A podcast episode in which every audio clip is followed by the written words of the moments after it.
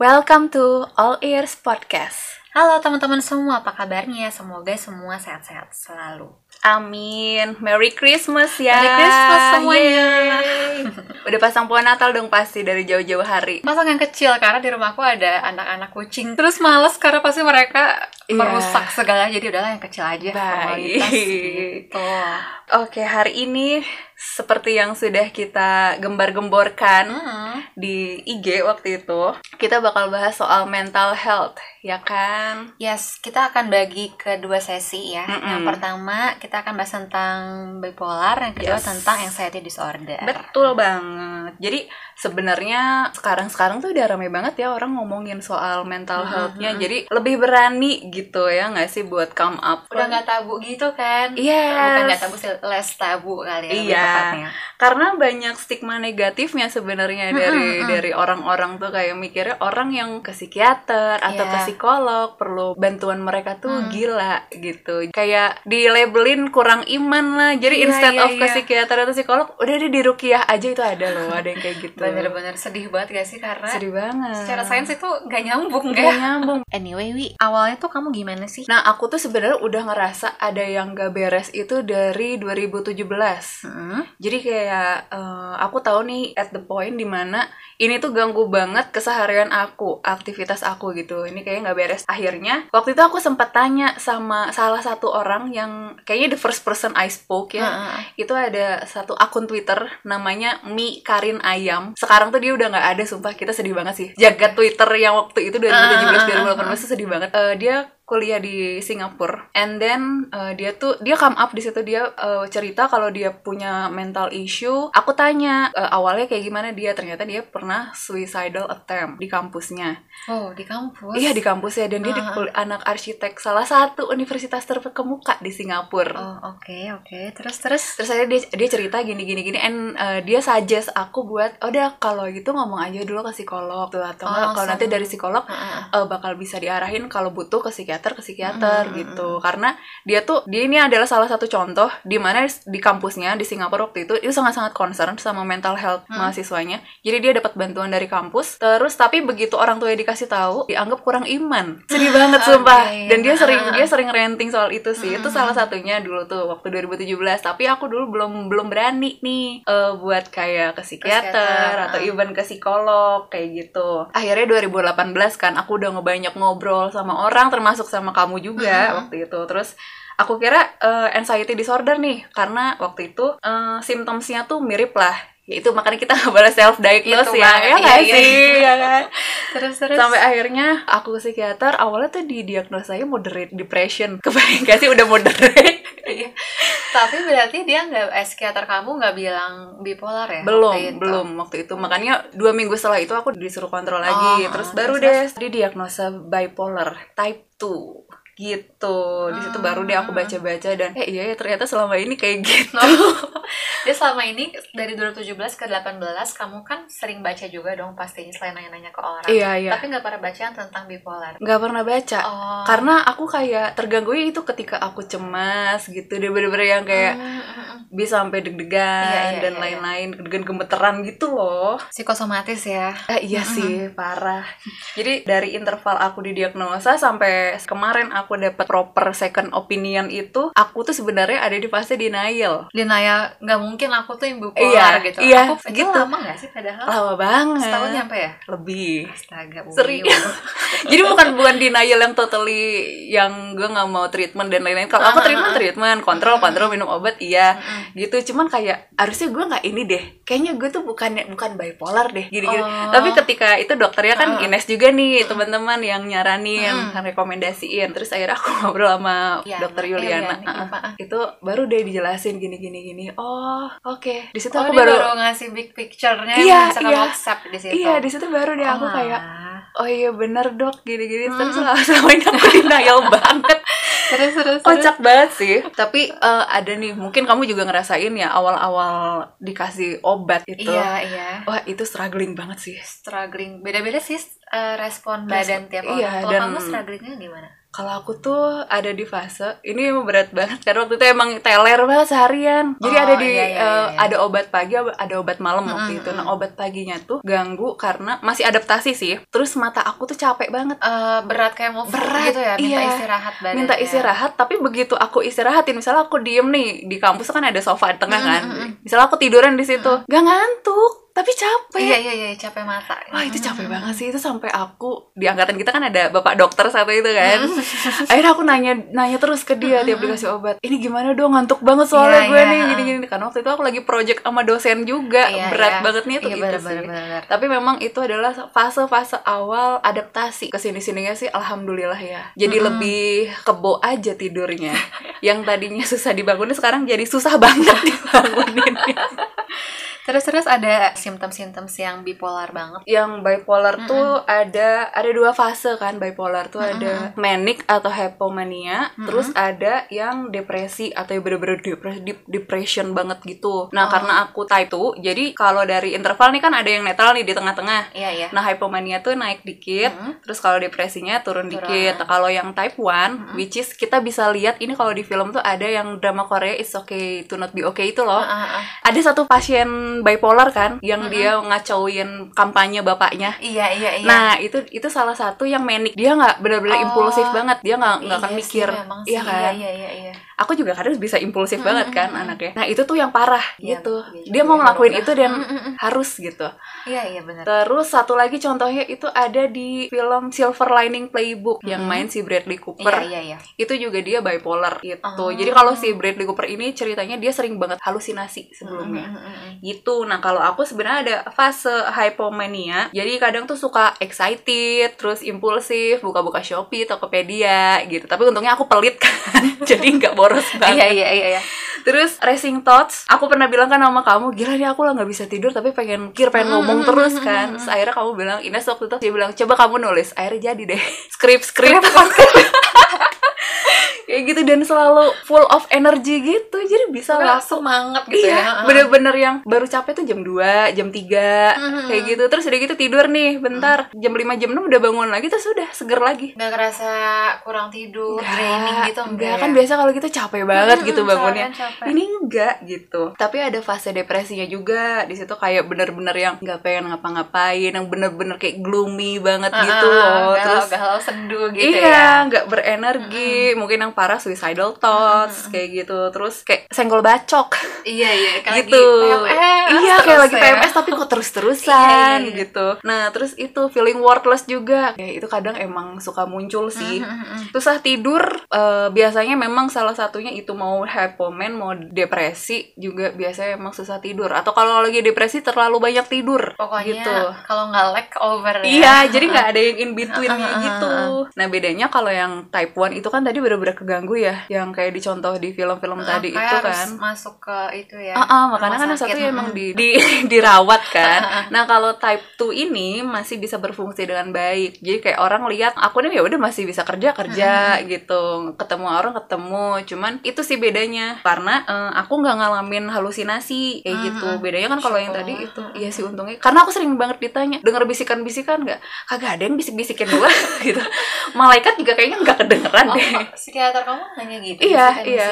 ah, ada gitu. Gitu. Mm-mm, selalu ditanya kayak gitu. Nah, tapi kalau di sini ya, aku sempat baca-baca juga ada beberapa simptom lainnya, especially buat cewek nih. Biasa Oke. sering migrain, terus ada anxiety disorder salah satu yang makanya kan aku sempat ngira kayak Oh, gitu ah, kali ah, ya. ah, ah. Terus ada tendensi buat mimik jahat. oh mimi jahat Alhamdulillah sudah alkohol free. kalau lifestyle ya Heeh. terus terus kamu tahu nggak sih triggernya apa atau sebabnya kenapa kamu bisa kayak awalnya Nah, aku juga nanya sih sebenarnya dan banyak baca-baca dan ya seperti mungkin penyakit-penyakit lainnya ini tuh multifaktor. Oh. Jadi kalau kata dokterku ini biopsikososial gitu. Jadi ada biologis, Heeh. jadi kayak itu dari badan kita ya sendiri, terus psikologis. Itu ya psikodinamik, motivasi, terus pribadian dan pengalaman, mungkin udah ngelaluin apa aja gitu kan Ah. dalam hidupnya dan juga sosial, culture, lingkungan, terus keluarga gitu dan banyak ya ternyata banyak faktornya. makanya jadi kayak biopsikososial gitu aku bilang kayak kita nggak bisa define cuma satu oh ini genetik oh ini Oh, karena iya, iya, lingkungan iya, oh iya. karena orang tuanya gini nggak bisa jadi emang ini multifaktor faktor nggak bisa makanya susah sih aku ya sampai sampai sekarang juga belum tahu pasti sih Iya, iya, sebabnya Kayaknya kenapa harus apa ya bikin konseling rutin sebulan Iya. dua kali. Jadi gitu kayak ya. harus menceritakan semuanya gitu, tapi kan mager ya, lama soalnya. mager dan mahal. mahal. Psikolog sejam berapa coba? Kamu yang Astaga, sering mahal kan? banget. Mahal banget, gila. Terima kasih BPJS.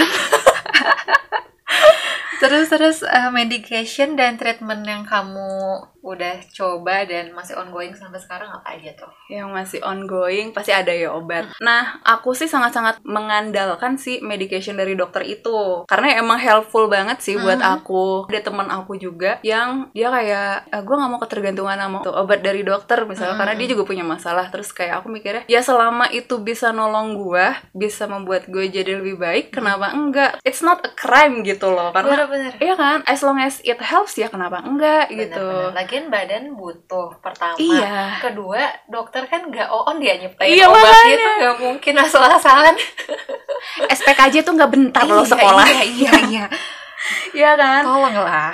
Bukan Nah, narkoba gitu iya, kan. Eh, narkoba sih sebenarnya, termasuk narkoba psikotropik Iya sebenarnya. iya Cuman sih. ya ini kan dalam pengawasan. iya dalam pengawasan Benar-benar. dokter. Wow, aku terbuka kalau aku mengkonsumsi psikotropik.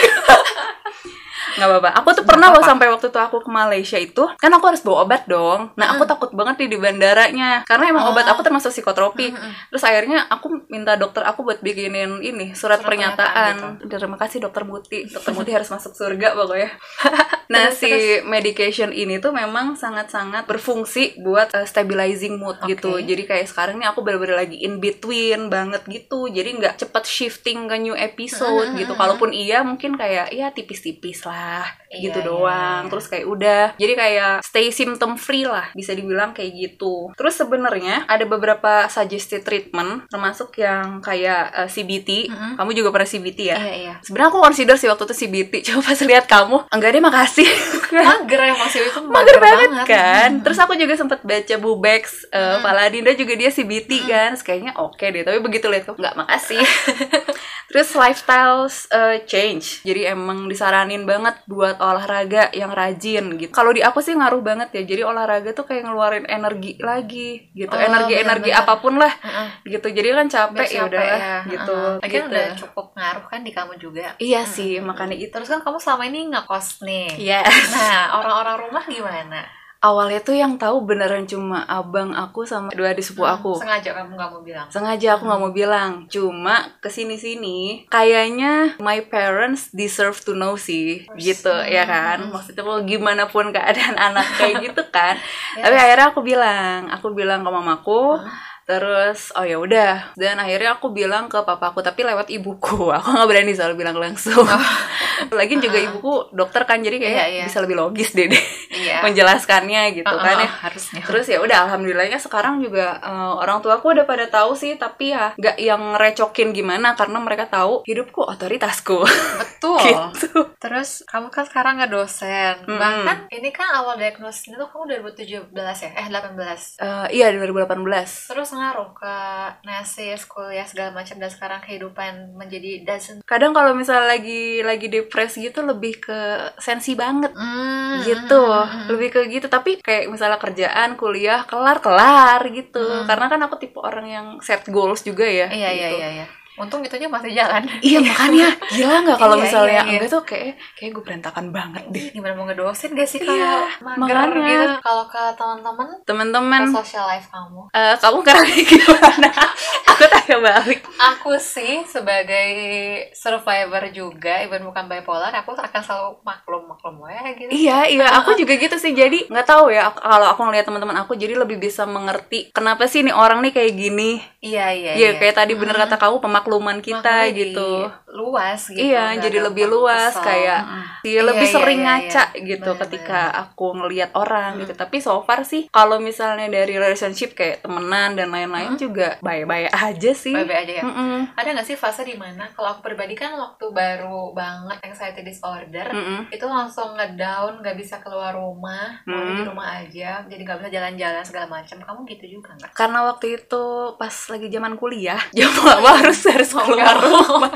Eh, teman-teman aku sangat mengerti ketika misalnya dulu zaman kuliah kayak gue nggak mau keluar kosan Mm-mm. gitu gue nggak mau pergi gini-gini mereka ngerti sih gitu oh ya udahlah emang emang nggak bisa diajak keluar gitu. Iya. tapi ada masanya di mana aku kalau udah main kagak pengen balik. Kayak eh, bentar dulu dong bentar dulu Iya, dong iya, kayak iya, iya, Jadi kamu nggak mau keluar kamar for a while tuh bukan karena kamu pusing atau misalnya deg-degan gitu ke keluar rumah enggak ya? pusing sih iya kali ya Mm, mm, mm. jadi kayak ini kayak gejala psikosomatisnya kali ya Oh apa aja di kamu psikosomatisnya? kalau aku tuh sering ini nih migrain kalau nggak pusing ah, gitu. ah, ah. Terus eh, mungkin salah satunya autoimun, psoriasis. Itu salah Oh. satunya sih, psoriasis atau seborrheic dermatitis. kepala. Iya, yang di kulit Oh, itu kepala. autoimun. Itu autoimun. Oh.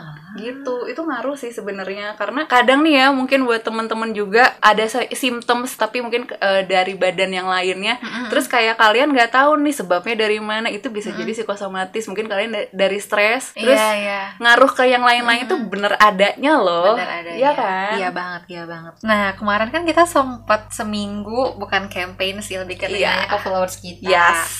Yang Nah, banyak banget itu. Yang banyak banget itu. Si banyak. Ada nggak sih followers kamu yang bahas soal bipolar? Ada sih. Mungkin ini beberapa pertanyaan ya banyak banget soal orang yang mengira bipolar itu mood swing doang. Coy. Agak coy. Enggak gitu. Kalau mood swing tuh kayaknya interval waktunya lebih lebih singkat gak sih? Mood swing tuh yang zodiaknya Cancer sih. Oh wow. Kalau kalau cancer tuh kayaknya ini deh harus kemo. Astagfirullah. Kalau ini tuh bisa berbulan-bulan satu episode satu episode. Jadi Mm. misalnya lagi hypoman itu tuh bisa last for weeks or months. Gila ya lama banget ya. Lama banget. Terus apa lagi apa lagi? Ada yang nanya ini dari Munaroh di Rawa Belong. Oke. Dia nanya gini, bipolar bisa punya normal life nggak? Hmm. Ya aku normal nggak sih hidup ya? Seolah-olah Iya. di rumah sakit. Iya, gitu seolah-olah kan tuh ya. kayak si Bradley Cooper yang di Silver Linings Playbook bisa banget, Bisa banyak banget. kok. Mm-mm. Kalau kalian lihat di YouTube juga banyak yang ini kan bikin konten-kontennya gitu. bener, bener. Cuman emang kalau aku sih mungkin jadi agak gesrek aja kali ya. Tapi kalau normal overall. Masih. Iya, iya. Ada enggak emang emang selera humornya jadi aneh aja mungkin. Mm-mm, Maklumin Gitu. aja guys. Iya itu untuk Mbak Munaroh semoga terjawab. Terus ada yang nanya juga eh, dari Lastri di Jeneponto. Oke. Cuma bisa ditolong pakai obat nggak? Hmm, yesem sih, yes or not. Baiklah. Karena bisa dibantu pakai obat, sangat Hmm. ngebantu. Terus bisa ditolong juga kayak tadi yang udah aku sebutin treatmentnya kayak CBT, Iya, iya, iya. kayak Itu gitu. CBT paling ya. Iya ya? komplementer Mm-mm. sebenarnya cuman mainnya mungkin preferensi sih. Aku sih lebih menomor satukan medication Mm-mm. dibanding sama si uh, complement treatmentnya itu. Iya, iya, iya. Nah ini mungkin aku mau cerita juga nih karena awarenessnya udah makin tinggi. Aku ini kan selalu ke psikiatrik hospital tuh yang punya Pemda. Mm-mm. Otomatis emang banyak banget pasien-pasien BPJS dan Iya. itu yang paling bagus lah kalau di Bandung. Dan itu banyak banget nih orang-orang dari daerah yang jauh, mungkin dari Majalaya, eh, bener-bener dari pinggiran Bandung gitu. Dan itu yang aku salut sih. Jadi kayak orang-orang itu tuh sudah ada awareness gitu loh. Iya, iya, Iya kan? Walaupun emang rame banget sih itu rumah sakit heran. Itu aja awarenessnya baru akhir-akhir ini gimana kalau nanti ke depannya Iya, lagi. semoga rumah sakitnya diperbaiki, Amin. diperbagus. Terus ada satu cerita lagi sih, mungkin ini agak-agak ironis ya. Hmm? Jadi waktu itu aku lagi nunggu giliran ke dokternya. Jadi kan ada ruang tunggu dan emang lagi social distancing. Jadi benar-benar yang kursinya tuh sendiri-sendiri Iya, jauh-jauh iya. gitu kayak kursi kondangan. Nah di sebelah aku kayaknya dia lagi berhalusinasi gitu. Jadi dia tuh ngomong sendiri dan dia mukul-mukul dadanya dia. Eh, Sumpah itu sebenarnya serem. hmm. Dan yang ironis itu adalah orang-orang di sekitarnya. Itu kan aku duduk di sebelah kirinya dia Mm-mm. orang-orang yang di depan, di belakang dan di sebelah kanannya dia itu pada ngejauh, pada pindah duduk. Astaga. Kayak ironis banget sih karena aku Iya, iya, aku iya. ngelihat kayak aku mikir lagi, lah dia sakit, lah gue juga sakit. Iya, iya, iya. kan? Gak ada bedanya. Gak ada bedanya, cuman kalian mungkin tuh. dia eh, eh, karena mungkin severity-nya aja dan kalaupun emang dia ngapa-ngapain aku, toh di belakang juga tuh akan selalu ada ini satpam. Ya dia halusinasi, dia halusinasi Ya sendiri banget. sebenarnya sih. kasihan banget oh, aku ngelihatnya terus orang-orang yang pada ngejauh gitu nah eh, terus juga mungkin ya buat teman-teman yang dari tadi mendengarkan gitu kan ya dan merasa punya symptoms yang Yes. sama yang kayak udah aku bilang you better cari pertolongan Yes. ya kan dibanding self diagnose Iya. bisa-bisa nanti kalau self diagnose tuh kalian sakitnya kanker gitu Iya. kalian baca apa terus Iya, taunya iya, iya, kanker enggak kan kayak gitu jadi mending seek for professional help dan mungkin buat temen-temen juga yang juga survivor jangan pakai alasan apa pun sakit lo Mm-mm, itu untuk bikin excuse Setuju banget. mencari pemakluman orang lain dengan sengaja gitu karena menurut aku ya pemakluman orang lain tuh akan muncul dengan sendirinya sih Iya, iya, iya. gitu karena Setuju, setuju. that's awful sih Iyalah. Iya gak sih? Kayak apalagi kalau misalnya aku kayak someone retain someone else Iya, iya. itu dengan excuse karena gue sakit gini-gini dan enggak, cuman enggak. dengan adanya lo yang bisa bikin gue better. Iya, iya, no. iya. no, no, no, no, no, no, no, no, no.